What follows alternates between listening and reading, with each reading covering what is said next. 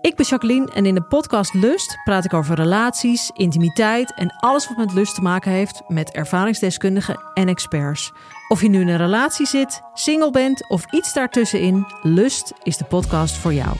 Overal te beluisteren, dus ook in jouw favoriete podcast-app.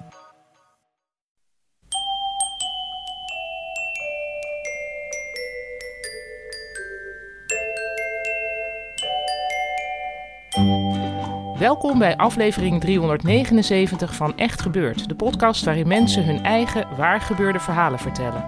Aanstaande maandag begint de kaartverkoop voor onze speciale Lang Verhaal Kortmiddag op 27 november.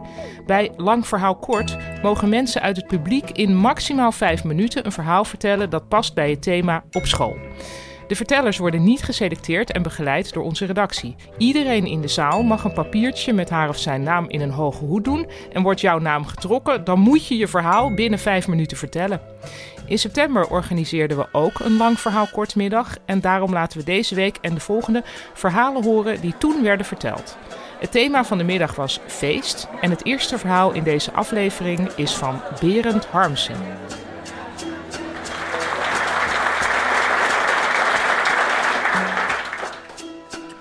Ik heb normaal gesproken niet zo heel erg veel met, uh, met het begrip feest, als ik heel eerlijk ben. Dus ik had niet onmiddellijk zoiets van, ik heb een verhaal. En het enige wat me eigenlijk te binnen schoot, dat is het verhaal wat ik heb verteld bij de uitvaart van een uh, vriendin van mij. Dus het begint al gezellig. Uh, nee, het was, een, was, een, goede vriendin van me met een spectaculaire, klaterende 100 decibel lach. En dat was eigenlijk, uh, ze was ook wel, uh, ja, dat was iets wat soms wel irritant was. Uh, maar, het feestje. Ik was uitgenodigd voor een feestje, een afstudeerfeestje van een vriend van mij. En ik was alleen vergeten waar het ook alweer precies was. En het enige wat ik me nog kon herinneren, was dat het in de Javastraat was. Maar die is vrij lang. Dus ik dacht, nou, het is een, uh, een afstudeerfeestje, dus uh, er staan waarschijnlijk honderd fietsen voor de deur. En ik fiets gewoon die straat in. En dan staat er op een gegeven moment ergens een kluit fietsen. En dan hoor ik lawaai en dan ga ik daar naar binnen. Alleen het was een beetje het eindexamen, uh, afstudeerseizoen. Dus ik reed door de Javastraat heen en overal stonden kluitjes met fietsen... waar lawaai, muziek uit de deuren kwam. En ik ben een paar keer heen en weer gereden... Maar ik, uh, er kwam niet echt iets uit dat ik iemand hoorde die ik kon herkennen of zo. Dus ik ben op een gegeven moment gewoon systematisch ben ik, uh, al die feesten afgegaan. en, uh, en het is letterlijk. En ik, was, en ik, had, en ik was, kwam bij de eerste binnen. En die, uh, die zette me heel erg op het verkeerde been. Want ik werd heel enthousiast begroet door iemand. En ik kreeg een biertje in mijn hand geduwd. En ik stond met wildvreemde mensen te praten. En ik was er op een gegeven moment, ik was al een kwartier of zo. En toen op een gegeven moment toen vroeg ik dus van, uh, uh, waar is René? En toen hadden mensen zoiets van, ah, die zal achterin zijn ergens of zo. Dus ik, uh, ik, dus ik hang nog een tijdje rond. Ik denk, om vroeg of laat wel, kom ik René wel tegen. Maar ik kwam René niet tegen. Sterker nog, ik kwam helemaal niemand tegen die ik kende. En ik kende eigenlijk, voor zover ik, ik dacht dat ik eigenlijk al alle vrienden van René wel kende. En zo op een gegeven moment toen uh, begon ik toch een beetje rond te vragen. Zo van, uh, is dit is René Williams? Die is recent gepromoveerd. In, nou, echt geen idee waar ik het over had. Dus ik zeg, ik denk dat ik op het verkeerde feest ben. Uh, maar dat was geen enkel probleem. Dus ik werd ook vriendelijk weer zo van... Nou, en als je, als je hem niet kan vinden, dan kom je gewoon weer terug. nou. Dus ik stap weer op mijn fiets en ik ga naar het volgende kluitje fietsen. En ik ga naar binnen en dan gebeurt dus precies hetzelfde. Alleen, en, en, ik kom weer, ik krijg weer een biertje in mijn hand geduwd. Iedereen doet weer heel aardig, maar ik was dit keer een klein beetje alert. En ik had zoiets van, ja, dat heb ik nou nog een keer Want ik moet nog een hoop van die kluitjes fietsen af. Dus ik moet het wel een beetje efficiënter aan gaan pakken. Dus ik vraag wat strikter zo van René. En dan, ja, achterin, nee, René Williams. Hij heeft iets met scheikunde gedaan. En dan zei nee, die weet ik niet. Oké, okay, goed. En ook daar was ik weer meer dan welkom als ik daarna gewoon... Als ik, mocht ik onverhoopt niet vinden. Ik zeg, ja, ik heb ook nog een leuk cadeautje voor hem. Ik weet niet of jullie René het leuk vinden, maar dat kan dan altijd nog. Nou, dat was hoe dan ook geen enkel probleem. En ik, uh, en ik ga letterlijk, ik ga drie feesten af. En ik heb op een gegeven moment, en alle drie keer is het gewoon... Bij alle drie ben ik welkom. En bij alle drie hoor ik niet te zijn. En ik, en ik denk, nou, ik ga nog een keer. Ik ga, ik ga toch niet echt. Want er waren wel acht of negen van dat soort feesten. En op een gegeven moment dacht ik, ik rij nog één keer heen en weer die Javastraat door. En toen was het bij een ander kluitje fietsen, minder fietsen dan bij die andere feesten. En op het moment dat ik er langs rijd, hoor ik die oorverdovende schaterlach van die vriendin van mij uit het raam schallen. En ik kijk op en ik zie een open raam en ik heb mijn feest gevonden. En dat was het verhaal wat ik toen op die uitvaart over haar vertelde. Dat zij dus inderdaad zo'n mooi baken was waarmee je je bestemming kon vinden. Omdat er vroeg of laat zou Sanne wel in een schaterlach uitbarsten. En dan vond je je feest. En dat is mijn verhaal. Dat was Berend Harmsen. Het tweede verhaal wordt verteld door PP Smit. Ehm, ja, ik weet eigenlijk nog steeds niet. Ik dacht ik zou twee dingen kunnen vertellen. Eén is over dat ik vijf ben met een hond. En één is over dat ik veertig ben en dat is iets met Braziliaans dansen en rap. Ja, ja wat denken jullie? Die laatste? Ja, nou, oké. Ehm, ik had ongeveer al twintig jaar uh, gaf ik uh, les in ta Argentijnse tango. Uh, ontzettend, ja, dat zou ik niet zeggen, maar dat, dat is een bloedserieuze dansje. En dat was ook precies wat me er steeds meer en meer aan ging tegenstaan. Vooral omdat de, ja, de mannen en de vrouwen die dat deden, uh, uh, ja, die vonden zelf eigenlijk dat ze zo langzamerhand Argentijnser dan Argentijns waren. Terwijl mijn opvatting was meer dat je een beetje moest improviseren en en dat we toch nooit Argentijns gingen worden. Dus dat je er gewoon je eigen ding van moest maken. Maar uh, er verschenen steeds meer mensen met uh, hoeden op op de les. En zwart met witte kleren. En nou ja, ook op die tango-feesten was het echt uh, nou, een, een, een, Ja, je moest er altijd een soort grafgezicht bij trekken. En het was gewoon... Lachen was wat anders, zeg maar. En, en de mate waarin zij zeg maar elkaar de Argentijnse maat namen, die uh, begonnen, begonnen ook steeds meer tegen te staan. Dus op een gegeven moment dacht ik, ja, ik vind dat dansen nog wel leuk, maar ik zou wel eens wat anders willen.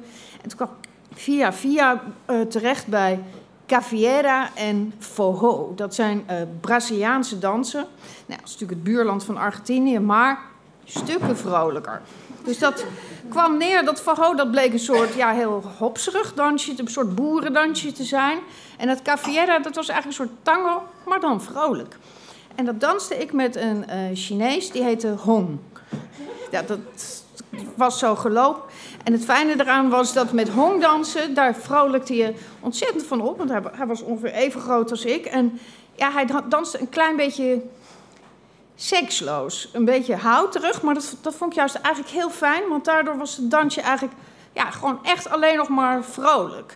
Dus dat, uh, nou, wij, ik, wou dat zo vaak mogelijk doen. Maar ja, waar doe je dat dan? Nou, hij wist wel wat, want hij werkte bij de gemeente. En uh, hij kwam me dan uh, halen. En dan reden we naar Oost, naar een buurthuis. Waar we dan gratis mochten dansen. Dat had hij zo geritseld. Maar er zat wel één addertje onder het gras. En dat was die mevrouw bij wie die dat geregeld had, die organiseerde een buurtfeest daar in Oost. En het zou dan toch wel leuk zijn als wij dan ook een demonstratie konden geven. Ik had het net geleerd, maar wie weet verder hoe dat dansje precies is, dus dat maakt niet zoveel uit. En dat straatfeest, dat, dat was daar in Oost. Nou ja, uh, uh, wij wouden wel graag die gratis ruimte, dus we hadden dat toegezegd. En dus wij een beetje iets instuderen, maar hoe meer ik doorvroeg van wat is dat dan voor feest? Ja, een buurtstraatfeest. En dat ik dacht, wat moeten die mensen nou met, dat, hè, met, dat, met die Braziliaanse dans? Maar die vrouw van, uh, van het buurtcentrum die had helemaal bedacht... Dan, zij zou dan uh, een verhaal houden over Brazilië en over de cultuur van Brazilië.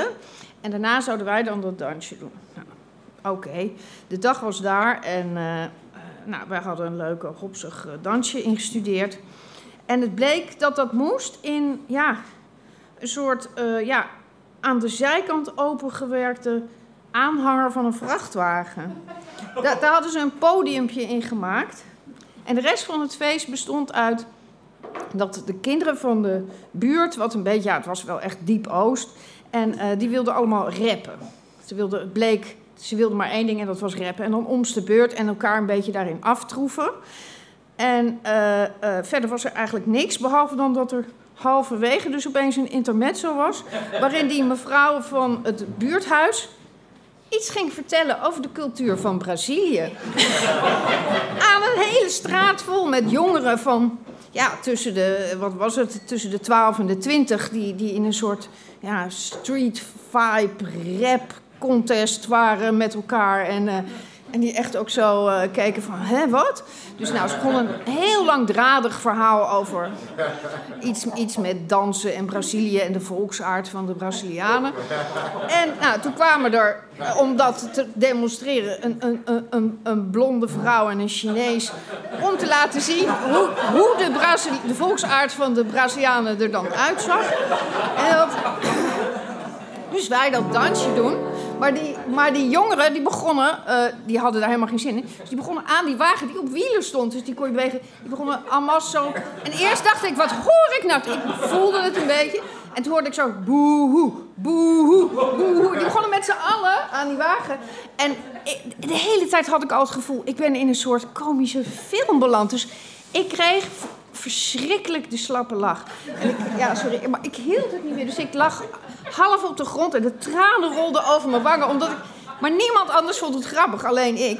En toen sprong die vrouw van het buurthuis, die springt op die, met, naar die microfoon en die zegt van... Ja, hebben jullie nu je zin? Nu moet ze huilen. En, daardoor moest ik nog veel erger, erger lachen. En, en nou ja, toen greep ik de microfoon en toen zei ik... Nee, nee, jongens, jongens, ik vind het juist heel grappig. Ik moet lachen. En daarop moest die mevrouw huilen. Dus ik droop af, die mevrouw droop af. Die jongens gingen weer rappen en uh, dat was het.